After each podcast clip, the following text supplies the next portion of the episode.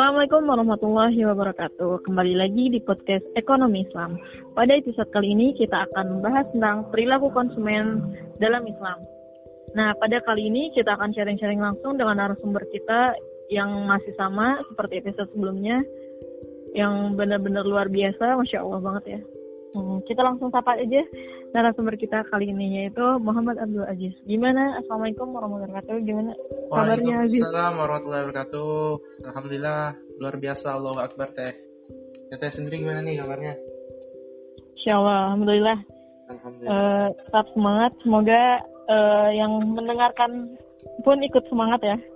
ya harus dalam Walaupun dalam kondisi pandemi yang susah, yang agak banyak keterbatasan tapi kita harus tetap semangat terus ya dalam mengupgrade diri kita ya. Siap siap. Hmm. Harus langsung. Uh, nih di episode kali ini uh, ngomongin masih tetap ngomongin ekonomi Islam. Nah kita akan bahas tentang ini perilaku konsumen dalam Islam. Uh -huh. Nah uh, menurut Aziz tuh perilaku konsumen itu seperti apa sih?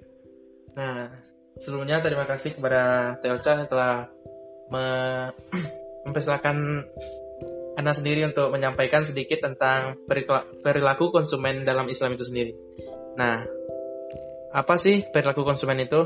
Nah, perilaku konsumen adalah bagian dari tindakan konsumsi, bagian dari tindakan konsumsi itu sendiri. Sedangkan perilaku yaitu tanggapan atau reaksi individu yang terwujud dalam gerakan atau sikap. Tidak saja tidak hanya badan atau ucapan.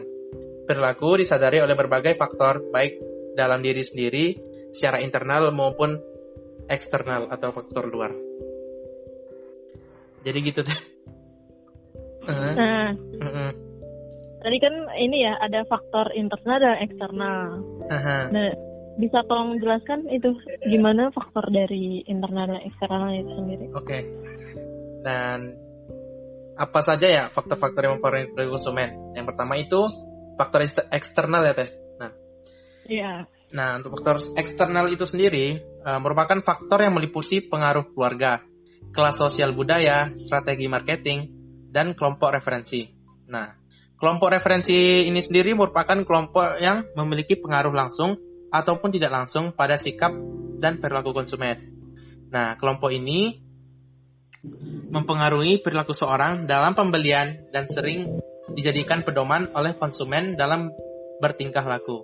Nah, ekonomi konvensional dalam kasus seperti ini sekarang sedang dengan kemajuan teknologi dan media media laku uh, media massa terutama media online sangat mudah sekali bisa mempengaruhi perilaku konsumen. Gaya hidup orang asing yang kurang baik mudah sekali terakses dan secara tidak langsung akan mempengaruhi pola, pola perilaku orang yang mengaksesnya.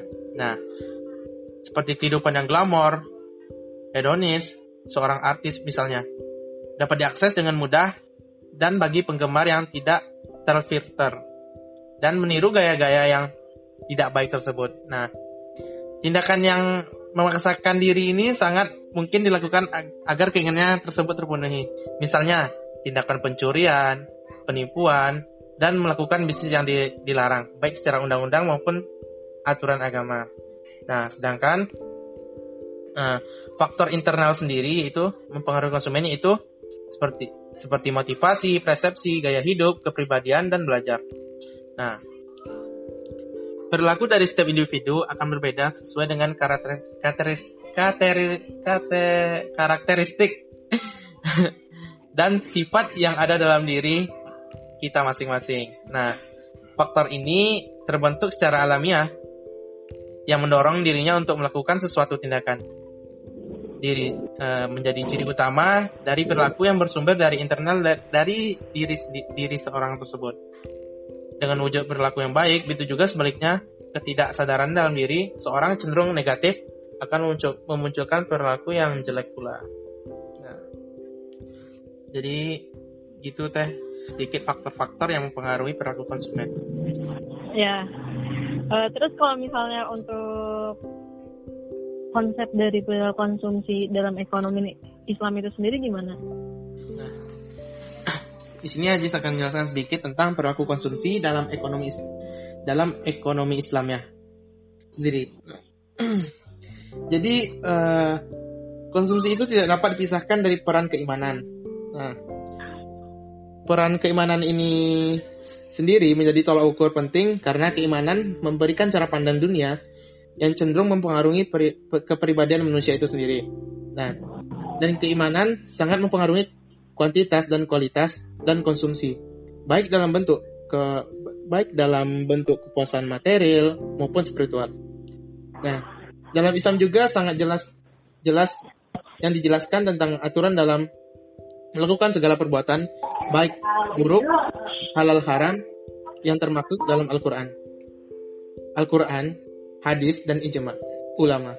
Nah, nilai dasar yang nilai dasar yang menjadi fondasi bagi perilaku konsumsi itu sendiri uh, perilaku konsumsi masyarakat muslim itu sendiri adalah keyakinan terhadap adanya hari kiamat dan kehidupan akhirat, kebajikan kebenaran dan ketakwaan kepada Allah Subhanahu wa taala. Nah, hal tersebut merupakan kunci moralitas dalam Islam. Nah, kebijakan dan kebenaran dalam dicapai perilaku yang baik dan bermanfaat bagi kehidupan dan menjauhkan diri dari kejahatan. Uh, harta merupakan alat untuk mencapai tujuan hidup jika diusahakan dan dimanfaatkan dengan benar. Nah, jadi perilaku konsumsi orang yang beriman akan berbeda dalam konsumsi barang atau jasa jika dibandingkan dengan orang yang lebih rendah tingkat keimanannya dan kepatuhannya kepada Allah Subhanahu wa taala. Nah, orang yang mempunyai keimanan sendiri dan patuh terhadap aturan-aturan yang telah digariskan dalam Al-Quran dan Sunnah, uh, Al-Quran dan Sunnah mengetahui batasan-batasan mana hal yang diperbolehkan dan mana yang tidak diperbolehkan dan mana yang untuk dilaksanakan, dilaksanakan dan mana yang untuk tidak dilaksanakan atau dilarang. Nah, jika kebutuhannya sudah dirasa cukup, maka konsep berbagi kepada sesama akan ikut serta dilaksanakan dilaksanakannya. Dan melihat lingkungan sekitar, masih banyak uh, masyarakat di sekitar kita nih teh yang mengalami kekurangan atas kebutuhan dan memberikan bantuan dan bimbingan agar ke depannya bisa memenuhi kebutuhannya secara mandiri. Dengan kata lain, tidak mengoptimalkan kebutuhan dan keinginan pribadi. Berbagai kegiatan ekonomi berjalan dalam rangka mencapai satu tujuan, yakni menciptakan kesejahteraan menyeluruh penuh ke ketegangan dan kesederhanaan, namun tetap produktif dan inovatif bagi setiap individu muslim itu sendiri. Nah, mungkin uh, segitu saja teh yang bisa disampaikan di perilaku konsumsi dalam ekonomi Islam. Ya, Masya Allah. Ekonomi Islam dalam Islam hmm. itu sendiri. Uh-huh. Ya, terima kasih kepada Aziz yang telah menjelaskan tentang ini ya perilaku konsumen dalam Islam itu sendiri. Jadi uh, konsep dari berbagai konsumen dalam Islam itu uh, yang paling digaris bawah itu ini ya apa uh, ketika orang hmm. ketika uh, suatu kon apa sih ketika konsumennya itu mendapatkan kebermanfaatan ya terus um, terus ini apa kayak um, membeli suatu produk tuh yang halal itu salah satu konsep dari Islam itu sendiri ya. Ya, nah, sekali teh. ya, buat teman-teman semoga dengan kita ini ya membahas tentang perilaku konsumen ini sehingga kita nanti kalau ketika kita ada posisi menjadi seorang konsumen atau membeli suatu barang kita tidak akan ragu-ragu lagi karena kita sudah ini ya dapat penjelasan dari Aziz tentang perilaku konsumen. Ya mungkin episode kali ini cukup sekian dan saya sebagai moderator mm-hmm. mohon maaf bila ada salah kata. Dan saya pamit undur diri. Wassalamualaikum warahmatullahi wabarakatuh